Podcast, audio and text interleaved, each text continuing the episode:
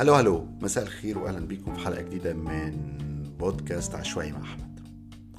اولا آه، بحب أشكر دائما آه، كل الداعمين على موقع باترون وعلى موقع أنكور آه، بالأسماء عنكبوت فاطمة أمير فاطمة أمير ميري بين كروبر بالدرجة التونسية علي شريف منصور وثلاثة مجهولين لا يفضلون الإفصاح عن أسمائهم الحقيقة شكر كبير ليهم مع بداية العام الجديد وجودهم ودعمهم من خلال الاشتراك على باترون وعلى أنكور بيدي الواحد طاقة كده إيجابية وبيخليه يبص على السنة اللي فاتت اللي هي السنة اللي ابتدينا فيها البودكاست ويستغرب إزاي مشروع صغير يعني ابتدى كنوع من مواجهة خرس داخلي بعاني منه. يتحول لبودكاست فيه فوق ال 37 38 حلقة وحوار متواصل ما بيني وما بين ناس أعرفهم أو أحيانا ما أعرفهمش بيوصل لدعم مادي كمان. عايز أقول إنه أنت كمان ممكن تبقى واحد من الداعمين دول من خلال اشتراك شهري بسيط على موقع باترون. وهناك هتتمتع بشوية مميزات زي إنك تسمع الحلقات قبل نزولها على المنصات. كمان في حلقات خاصة صغيرة اللي هي يوميات عشوائي دي بتنزل بس هناك على Patreon. تقدر كمان تدعم البودكاست ده من خلال ال share وال favorite والخ الخ الخ زي ما أنتم عارفين بقية الأشياء. طولت عليكم في المقدمة ديت ضفنا النهاردة معايا حوار مع العزيز أدهم حافظ أو اسم الشهرة الآخر أدهم فين دين أمك. أدهم راقص ومصمم راقصات وأكاديمي حاليا بيعد رسالة رسالة الدكتوراه بتاعته في الرقص في جامعة نيويورك. وقبل الدكتوراه اللي هو شغال حاليا في جامعة نيويورك هو درس السياسة والاقتصاد في فرنسا. كمان هو مؤسس فرقة حركة آه وحد حقيقي يعني مهتم بموضوع الرقص ده من زمان وكمان عنده أفكار نقدية ووعي للمساحات اللي بتتقاطع فيها السلطة والفلوس والغرب والشرق في موضوع الجسد والرقص هنتكلم مع أدهم على المواضيع كتير تبتدي من الرقص الفرعوني اللي بيعملوه في الاستعراضات بتاعت السيسي ده لحد الرقص على التوك توك لحد الرقص بتاع القرن 19 والدولة المصرية إزاي تعاملت وبتتعامل مع الرقص وهو شخصيا أدهم إزاي تعامل مع محمد مرسي في معركته لمنع تدريس الرقص في مصر. تاترا ترا يلا بينا.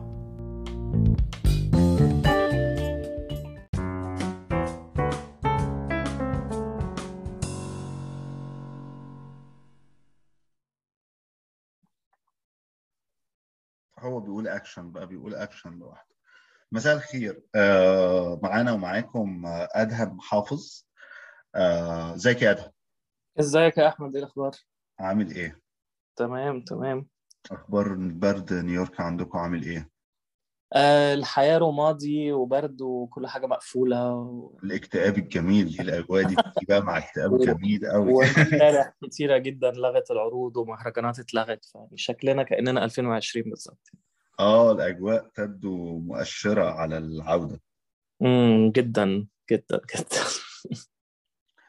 طيب كنت عايز أبتدي أتكلم معاك من الرأس من من نقطة بعيدة قوي بالصدفة أنت عارف بكتب أنا عن المزيكا والرقابة وبالصدفة يعني بما إنه الخناقة بتاعت هاني شاكر دي شغالة مع المغنيين المهرجانات عمال بدور في في التاريخ وبرجع لورا لورا لورا لورا.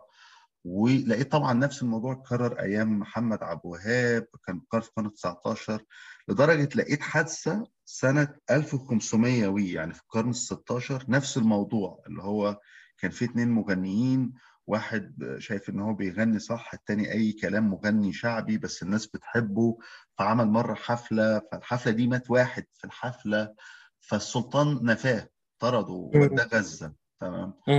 وفي نفس الوقت وأنا بقرأ في ال... في الأجزاء ده عن تاريخ الغنى والرقص في العصر المملوكي المملوكي فالمدهش جدا إنه كعبلت في حاجات حوالين الرقص.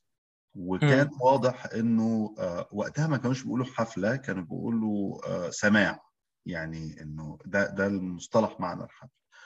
ولقيت أوصاف دقيقة جدا مثلا إنه كان في شيوخ أزهر بيرقصوا أمراء بيرقصوا. وكان محطوط شروط حوالين إيه هو الرقص الصح يعني بالنسبة لاشخاص في المكانة دي. وإنه إزاي إن أنت لما تبقى في مجلس سماع آه لازم ترقص من من من أخمص قدمك أو تتحرك مع المزيكا من من رجليك لحد راسك. وده كان وجهة نظر كمان في إن دي وسيلة للارتقاء أو التواصل آه آه مع الله يعني.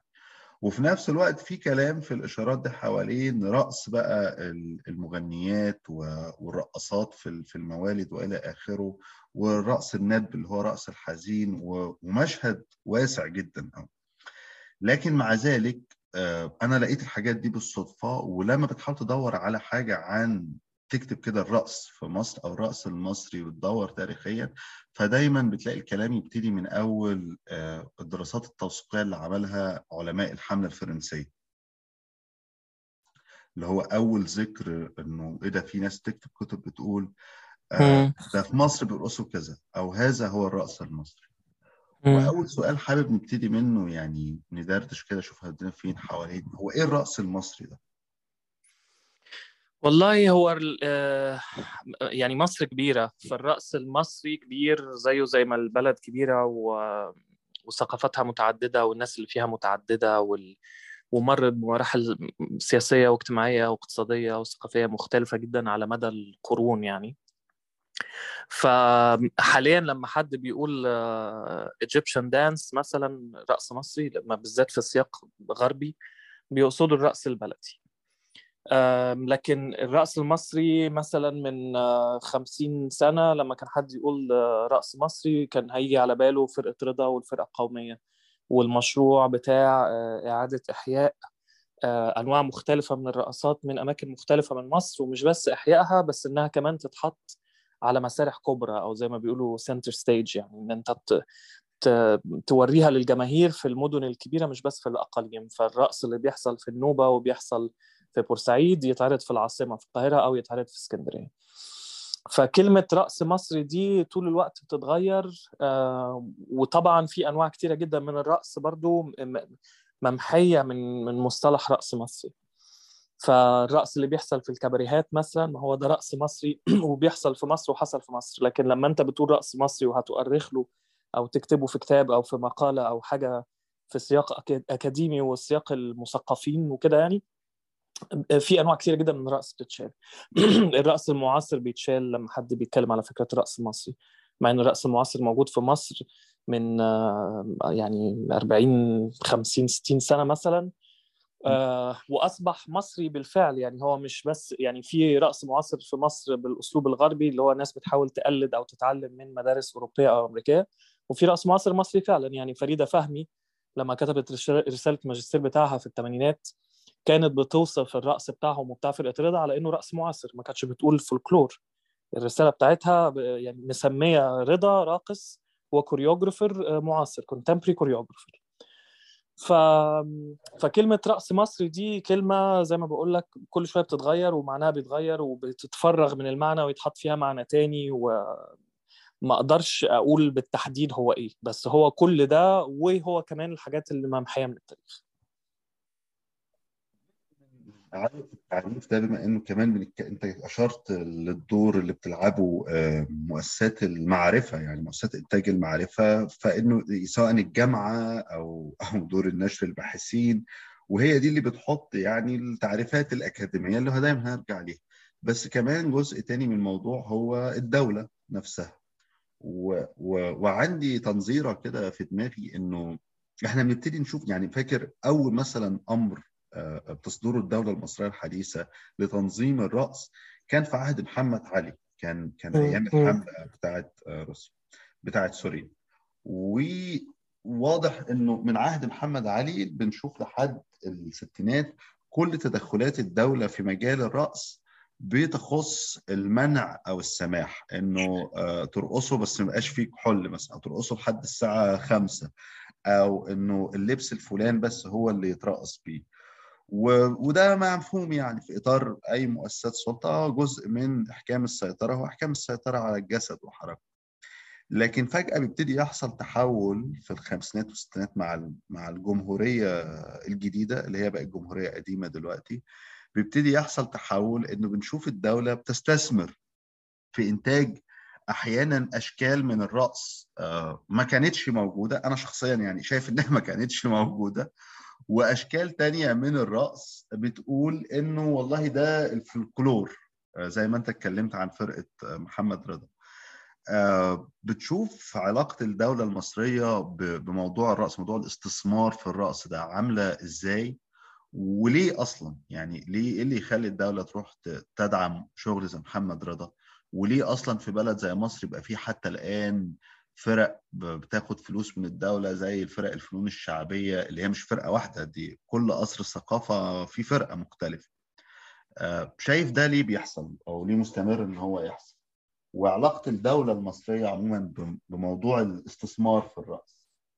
هي دي مش تجربة فريدة في مصر يعني أو فريدة بمصر لأن بلاد كتيرة جدا في العالم عندها فرق قومية بترقص رقصات قومية وكل كل قصة سببها سبب مختلف. يعني عندك فرق قومية الهدف منها إنها تخلق تراث غير موجود فبالتالي أنت تقول يبقى البلد دي طول عمرها اسمها كذا ومش عارف إيه. عندك زي إسرائيل مثلا. يعني فرق الرقص هناك مدعومة من الحكومة ومدارس الرقص والمشهد الرقص المعاصر هناك من أقوى المشاهد الرقص المعاصر بالمنطقة الشرق الأوسط كلها.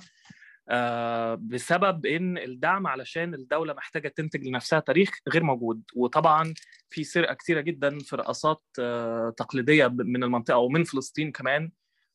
زي ما في سرقة الأكل والفلافل والحمص والقصة اللي إحنا عارفينها وسرقة منتجات ثقافية عدة يعني من من النظام ده.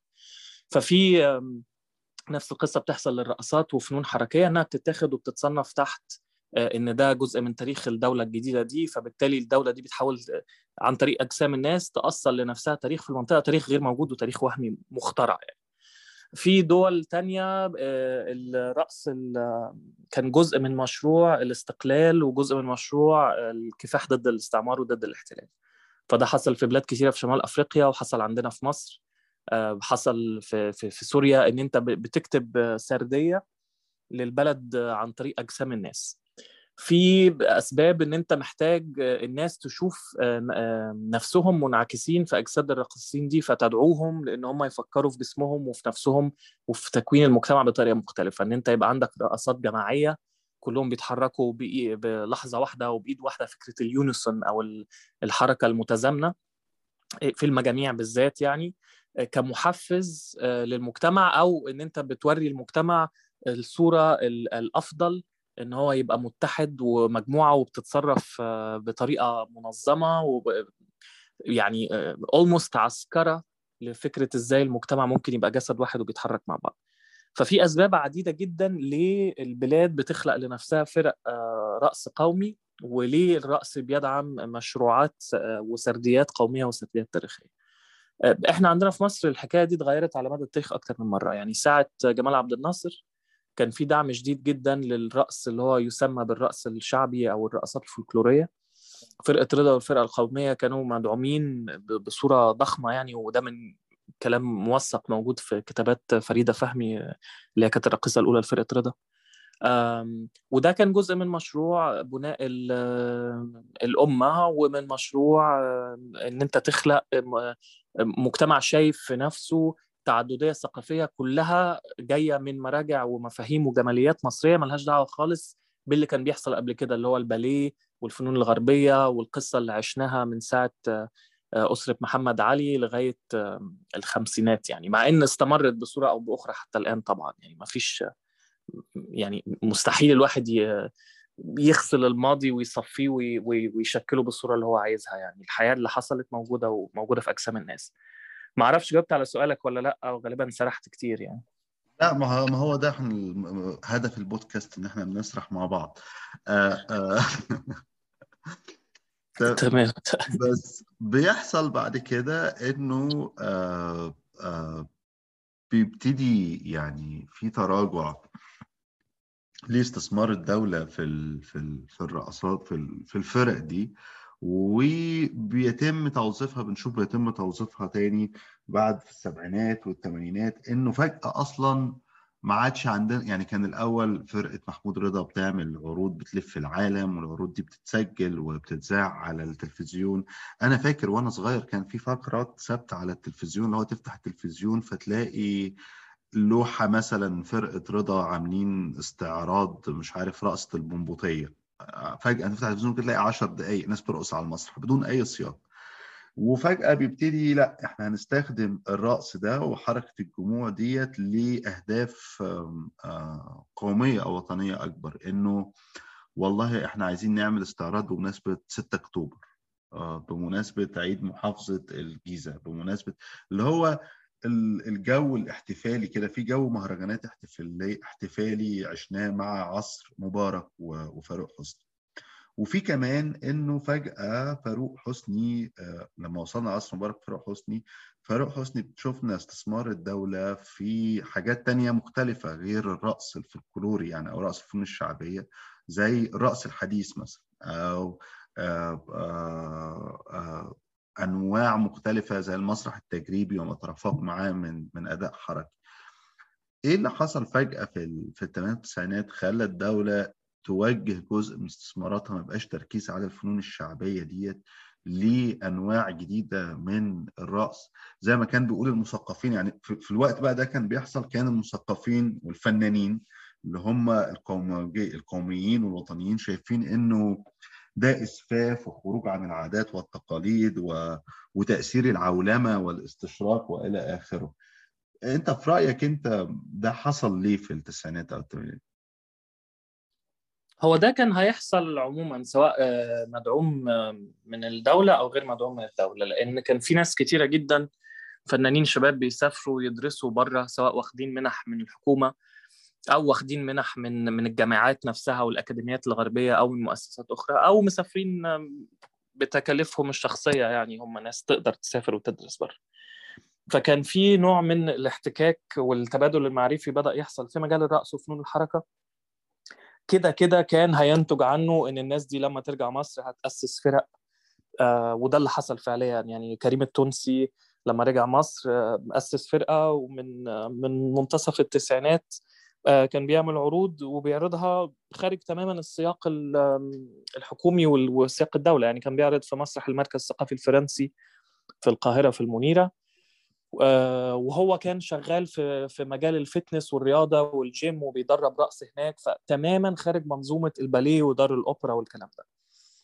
وهكذا يعني أمثلة كتير. إنجي الصلح عملت عروض وفي نفس الوقت إنجي الصلح شغالة برضه في مجال ال fitness وكده. فكان في تداخل ما بين مجال الصحة وال fitness وكانت فكرة ال aerobics وال Pilates وكده طالعة جديد وربات البيوت البرجوازيات في مصر بيشوفوا نفسهم في ربات البيوت البرجوازيات الأمريكانيات والأوروبيات يعني وكده وعايزين يتعلموا الحاجات دي وعايزين يبقوا fit وعندهم لياقة ويعملوا رياضة غير الرياضة اللي هم متعودين عليها يعني مش هتروح تشيل حديد ومش هتنزل تجري في في الشارع فبتروح تعمل الحاجات دي. ومن خلال ده بدأ ناس كثيره جدا بالذات لو صغيرين في السن شوية ينجذبوا لفكرة الرقص المعاصر والرقص الحديث ويرقصوا مع choreographers بقى زي كريم ستروجو وسامية علوبة و انجي الصلح وكريم التونسي وكل دول. اللي هم فضلوا عندهم career قوي جدا في مجال ال fitness والرياضة والتدريب وكده وفي نفس الوقت كملوا career الرقص وال choreography ده على سامية علوبة ابتدت من الرقص؟ سامية علوبة الاثنين كانت شغالة fitness ورقص. وكملت يعني كانت بتطلع ترقص في عروض يعني بعد كده لما وليد عوني عمل فرقة كل الناس دي طلعت في فرقته. سامية علوبة آه و... و... آه وكريم التونسي رقص فترة طويلة جدا في فرقة وليد عوني. ف... فكان في تداخل في ناحية ما بين المجال بتاع اللياقة والجيم وال fitness وال aerobics والكلام ده والرقص وبعدين كان عندك الناحية الثانية المشروع بتاع الدولة إنها تعمل مشهد رقص معاصر. ده حصل بعد حاجة معينة يعني يعني طبعا قد يختلف عليها مؤرخين وكده. بس كان في زيارة لل choreographer اللي اسمه موريس بيجار choreographer أوروبي عنده مدرسة رقص مهمة جدا وعنده فرقة رقص شهيرة وهو الشغل بتاعه يعني يناسب الذوق العام في مصر في الفترة اللي بنتكلم في نهاية الثمانينات وأول التسعينات. لأن هو خليط ما بين الباليه المعاصر فعندك راقصين متدربين بطريقة الباليه وكلهم صغيرين في السن بيلفوا وينطوا ويطيروا ويرفعوا رجليهم في الهواء وكل الكلام اللي متعودين عليه إحنا بصريا لما بنشوف الباليه. وفي نفس الوقت شغالين على مشروع رقص معاصر أو مودرن إن هو في تحديث لفكرة الباليه فتقدر توصفه إن هو باليه معاصر أو نيو كلاسيك أو باليه حديث يعني في مصطلحات كثيره جدا أو رقص معاصر كان بيتقال عليه برضه. فبجار جه بدعوة إلى مصر وعرض عرض ضخم جدا اتعمل عند سفح الأهرامات. آه وكان في بقى رموز للشرق الأوسط وأم كلثوم والحضارة إنها بدأت من مصر ومن الأهرامات فكان في تمجيد للشرق في العموم ومصر تحديدا ففي اللحظة دي الطلب من بجار لو يقدر يفتح مدرسة أو أكاديمية أو فرقة أو حاجة في مصر عشان فاروق حسني وحسني مبارك وعجبوا جدا بالموضوع وقالوا عايزين مصر يبقى فيها شيء من هذا القبيل. فاللي حصل إن وليد عوني كان شغال في فرقة بوليس بجار ووليد عوني شخص موهوب جدا ان هو بيصمم ملابس وديكور من ناحية وفي نفس الوقت كان بيصمم رقصات وهو نفسه كان متدرب كرقص. فاللي حصل إن انتهى الأمر بوليد عوني هو اللي فضل في مصر وأسس حاجة ما بين فرقة وما بين مدرسة. يعني هو كان بيحاول من ناحية يدرس techniques وحاجات ليها دعوة بالحركة عشان يجهز الناس اللي طول عمرها بترقص باليه إن هم يعملوا ال shift ده ويبدأوا يرقصوا أنواع أخرى من الرقص اللي هو الرقص المعاصر. وفي نفس الوقت كان بيعمل عروض ومن أوائل العروض اللي عملها كان عرض سقوط إيكاروس اللي هو اخذ عليه جوائز كتيرة جدا. وناس كتيرة جدا في المجال لسه شغالين يعني في مجال الرقص المعاصر رقصوا في سقوط إيكاروس من ضمنهم مثلا الكوريوجرافر المصرية والراقصه داليا العبد. فالكلام ده حصل في بدايات التسعينات ومحدش عارف كان في الأول هي دي أكاديمية ولا مدرسة ولا فرقة. وبقى اسمها فرقة الرقص المسرحي الحديث. modern Egyptian modern dance theater وهو مصطلح متركب من كذا حاجة. يعني فكرة dance theater الرقص المسرحي ده مصطلح مشهور في ألمانيا ومن أحد رواده كتكنيك وكممارسة يعني بينا باوش ال choreographer الألمانية. كانت هي من أحد الناس اللي روجوا فكرة ال Tanztheater أو ال dance theater اللي هو عرض ما بين الرقص الممسرح إن الراقصين بيقفوا في النص ويمثلوا ممكن يبقى فيه كلمات أو جمل بتتقال أو بس مجرد إن هم فعليا بيمثلوا في سردية درامية مش بس رقص مجرد وأبستراكت زي ما بنشوف في الباليه. مع إن الباليه بيقول قصص بس إلى يعني 99% من الباليه عبارة عن حركات مجردة. عامل الإبهار بس هو الشيء الأساسي إن أنت بتتفرج على رياضيين بيأدوا حركات بصورة هايلة يعني. التانس تياتا أو الرقص المسرحي أو المسرح الراقص جه عشان يغير ده ويبدأ إن الرقص بيحكي قصص وبيتكلم عن عواطف و...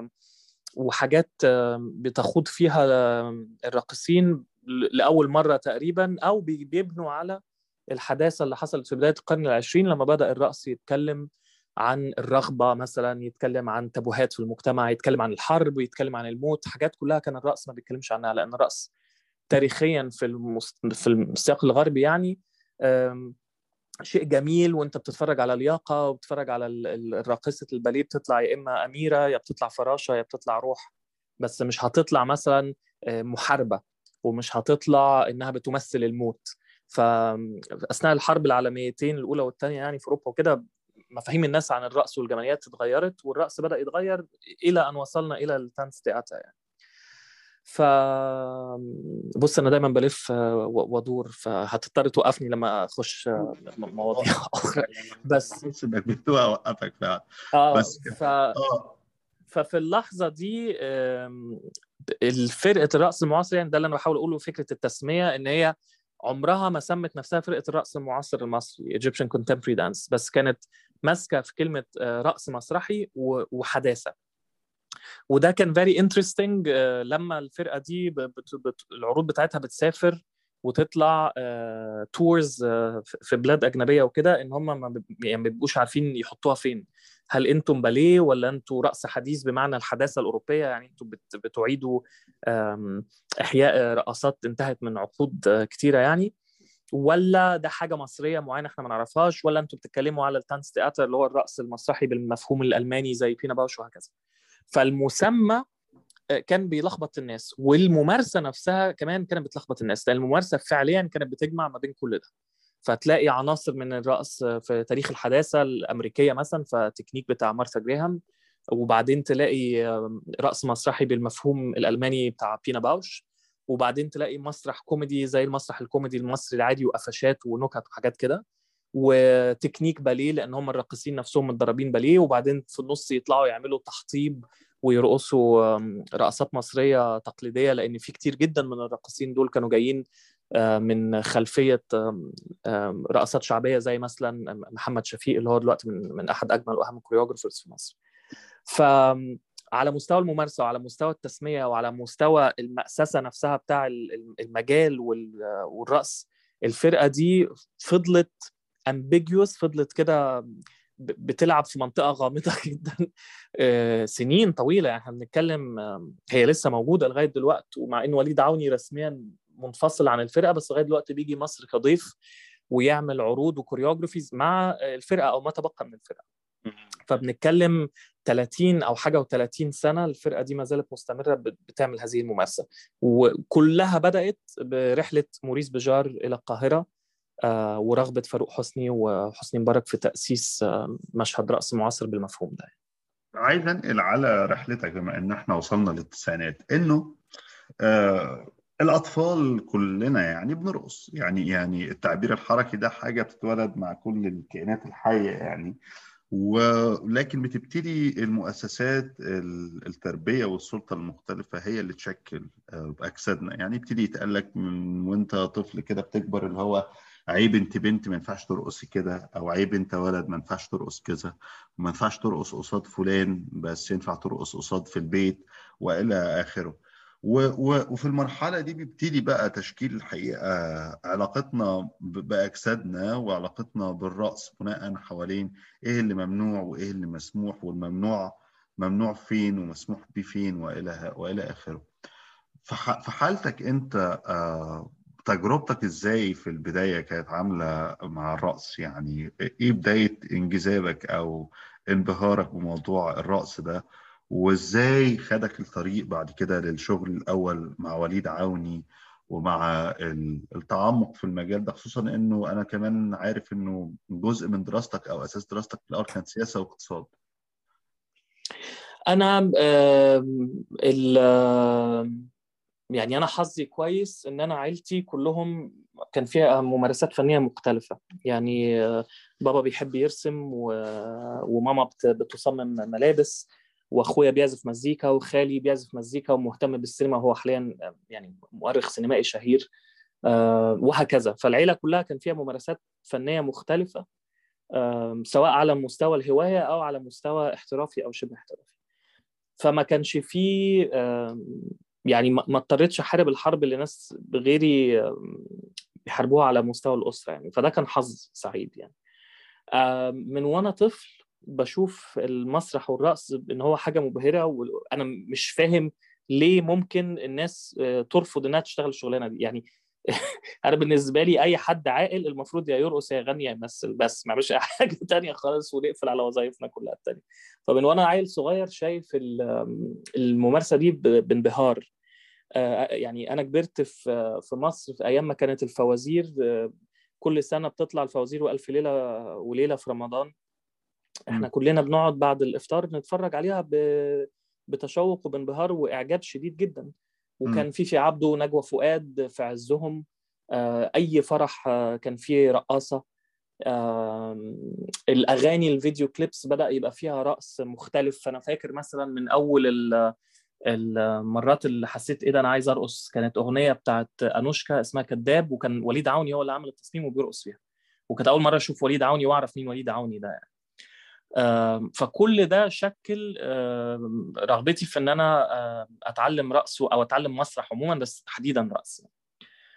وكنت بطلع على المسرح وأمثل وكده في مسرح مدرسي وبعدين مسارح فيها عروض للأطفال وكده. فمن وأنا عندي 8 سنين تقريبا وأنا على المسرح. آه طبعا السؤال بتاع لما الواحد بيبدا يكبر في فكرة ما ينفعش ترقص أو ما ينفعش ترقص النوع ده من الرقص أو أو أو. ده بيحصل لناس كتير. وأنا شفت راقصين الكارير بتاعهم اتدمر بسبب ده. أو تدخل الأسرة بنت بعد فترة معينة يقولوا لها خلاص أنت كده كبرتي لازم تتحجبي وما ينفعش ترقصي. فكان فعليا في تغيير حصل في التسعينات يعني نص التسعينات كده لما بدأ ناس كتير أو اكشلي أواخر التسعينات وبداية الألفينات يمكن حتى كان الموضوع متأخر شوية. لما بدأنا نشوف بنات مثلا يبطلوا رقص عشان الأسرة مش راضية أو عشان هي نفسها سمعت عمرو خالد فقررت إنها تتحجب وهكذا. ف وده ما زال مستمر يعني يمكن دلوقتي أقل شوية ويمكن في صحوة جديدة بتحصل والناس بدأت تحس اللي هو it's okay okay يعني إن إحنا ندخل في مجالات الفن وكده. بس في نفس الوقت في حرب على الرقص طبعا ما نقدرش ننكرها يعني. طريقة تقنين أنهي أنواع من الرقص ينفع تترقص وأنهي أنواع لأ. البنات اللي كانوا على التيك توك طلعوا عملوا رقص وغنى وحاجات كده فعليا ما فيهاش أي شيء مخل بالآداب. بس في الآخر اتسجنوا. ف المؤسسات بصور مختلفة سواء الأسرة أو المجتمع أو القانون عندها مشكلة مع الرقص طبعا يعني بصورة أو بأخرى لما أنت قلت إنه إنه ما كانش عندك مشكلة مع العيلة وبعدين وقفنا بعد كده أنت وصل إيه اللي وصلك إزاي وصلت لوليد عوني أو وتجربتك معاه وقرارك إنك تكمل في السكة دي حصل إزاي؟ والله كلها صدف يعني خليط من الصدف ومن الرغبة في الاستمرار. يعني أنا فاكر وأنا صغير درست موسيقى كلاسيك. يعني كنت زي ما بقول لك بعمل مسرح مدرسي وكده وبعدين أهلي بعتوني أدرس كنت عايز أدرس مزيكا يعني فبعتوني أدرس موسيقى كلاسيك في الكورسات المفتوحة في في جامعة حلوان في الزمالك في اللي هو مدرسة الموسيقى اللي هناك. من خلال ده بدأت أغني فرحت أدرس أوبرا كنا دايما بنروح الأوبرا بنسمع نيفين علوبة. ففي مرة طلبت من أهلي نروح لها backstage بعد ما خلصت عرض وأقول لها أنا عايز أتعرف عليكي ما أعرفش. وفعلا كنا يعني بمنتهى الجرأة بنقوم داخلين نكلمها نقول لها مساء الخير أنت ما تعرفنيش بس أنا عايز أغني وما أعرفش إيه. وهي حتى ساعتها قالت أنت صغير جدا استنى أما تتم 18 سنة وبعدين تعالى لي. أشتغل على صوتك. واستنيت لغاية ما تميت 18 وبعدين رجعت لنبين علوبه ادهم معلش معايا لحظة واحدة وهرجع لك. هوقف شو بس شو حاضر. شو حاضر.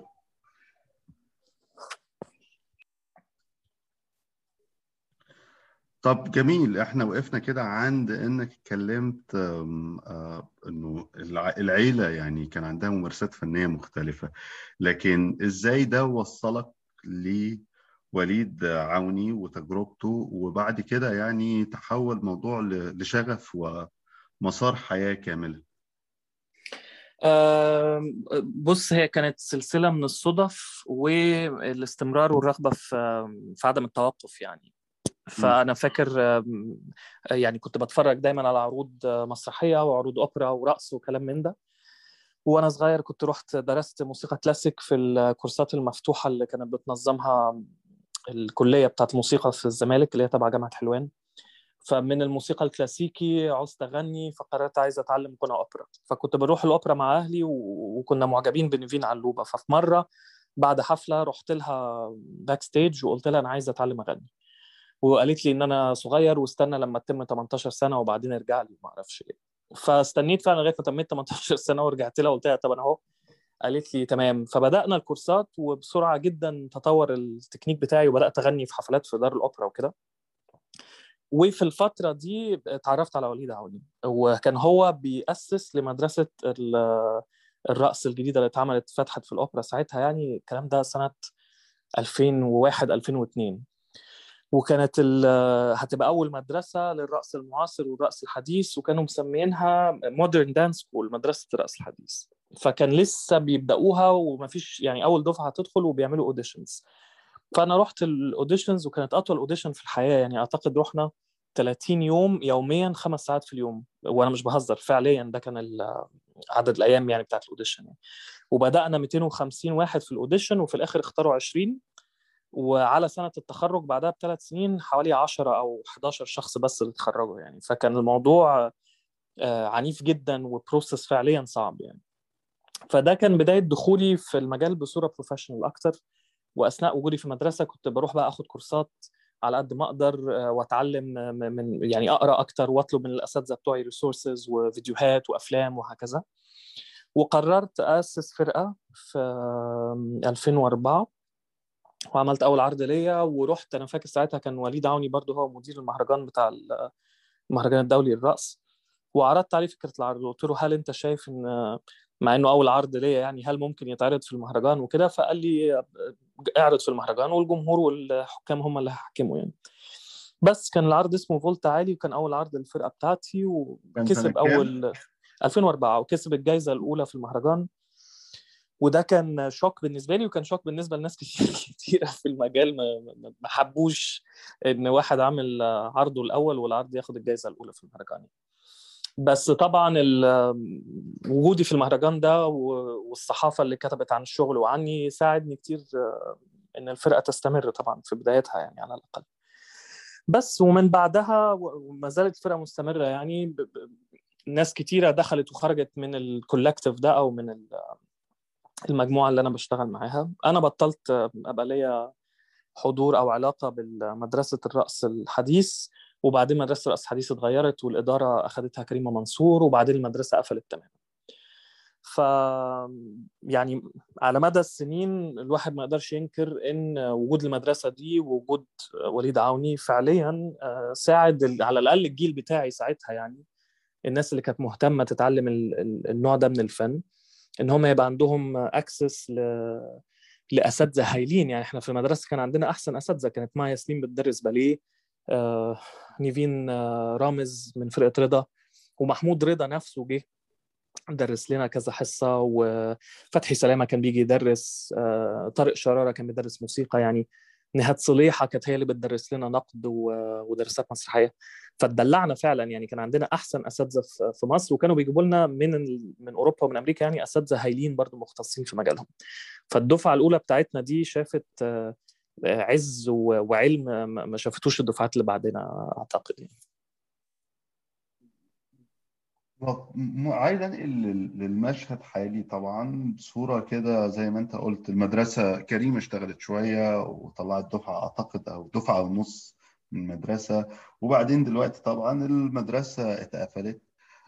في تراجع كبير قوي في دعم كده موضوع الرقص المعاصر. ومش بس الرقص المعاصر كده مجموعة الفنون الحداثية والأوروبية اللي هي دخلت مع فاروق حسني سواء المسرح التجريبي أو إلى آخره فجأة الدولة بتنصرف عن كل ده وبنشوف استثمارات في وكلام دقيق يعني في في في أنواع اختراع أنواع تانية. يعني مؤخرا ابتديت أقرأ مثلا تنظيرات حوالين إنه في حاجة اسمها رقص فرعوني أو إنك تشوف عرض مثلا واحدة من العروض اللي اتعملت في موكب المومياوات أو مش عارف موكب المواكب الفرعوني دي بقت خلاص كل ثلاث شهور بيعملوا واحد. حد مثلا طلع قال لك آه دي إحنا عملنا هنا رقصة آه مش عارف كاهنة أمون أو أو مش عارف رقصة أمون. و... وإنه دي رقصة فرعونية إحنا ما, ما اترقصتش مش عارف من 3000 آه سنة. آه السؤال الأولاني هو في حاجة اسمها رقص فرعوني فعلا؟ يعني هو أكيد كان وإيه معنى وإيه معنى أصلا إحياء رقصه قديمة بالشكل ده؟ يعني هل هي بتبقى حي... يعني مثلا أنا آه فاكر كويس لما بتقرأ مثلا في ال... في وصف مصر من ضمن الرقصات اللي بيوصفوها رقصة النحلة. وهي رقصة بترقصها الغوازي زمان. مفهومها بسيط قوي إن هي الست وهي بترقص بتبتدي تتخيل إنه في نحلة دخلت تحت هدومها. تمام؟ آه. وبتبتدي أثناء الرقص تقلع. قطعه قطعه هي هي رقصة ترابتيز يعني رقصة آه. تعاري يعني. ف فلو لو حد جه دلوقتي وعمل الرقصة دي هل هي دي هي رقصة النحلة اللي اتعملت وقتها؟ هل ده له أي معنى أصلا؟ ويعني إيه زي نفس حدوتة في موضوع الرقص الفرعوني ده؟ اللي هو إيه الرقص الفرعوني ده و... و... واستلهاماته في رأيك جاية منين؟ هو يعني هو أكيد كان في رأس عمل هو أكيد طبعا. مع المصريين بس إحنا مستحيل نعرف كان شكله إيه لأن ما عندناش يعني في وثائق وفي رسمات وبرديات ورسوم على معابد وكده.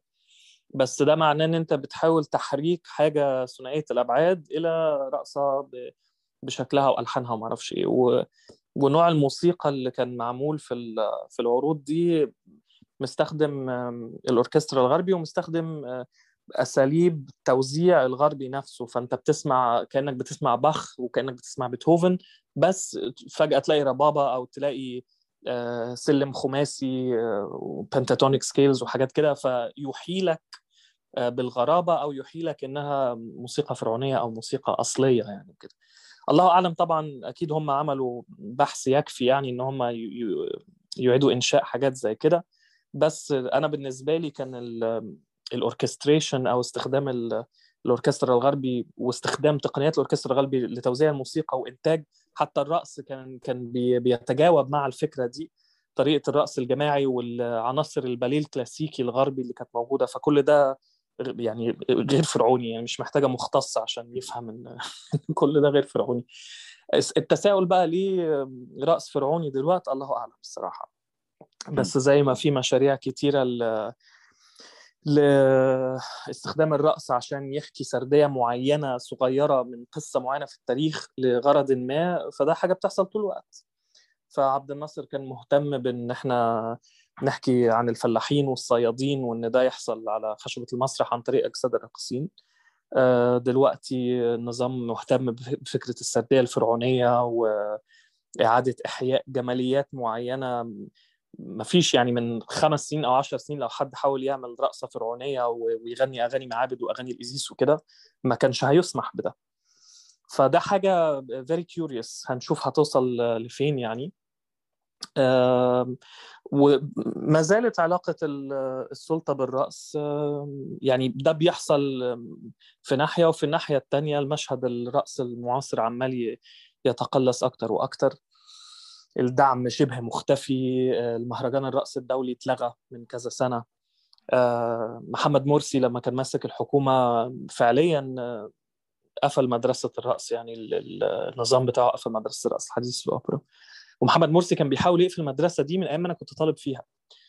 و... وأنا نسيت تماما إن كان في مقابلة على التلفزيون حصلت جابوا محمد مرسي أيام ما كان هو عضو في البرلمان لسه. الكلام ده بقى ما أعرفش 2003 مثلا 2004 مش فاكر فعلا. بس جابوا محمد مرسي وجابوني أنا وطالبة تانية اللي هي الممثلة آه والله الممثلة العظيمة نجلاء يونس. آه. آه وطلعنا وما رضيش يبقى معانا في نفس الاستوديو أنا حتى فاكر. ف... فسجلوا إجاباتنا للدفاع عن أسئلته لوحدنا.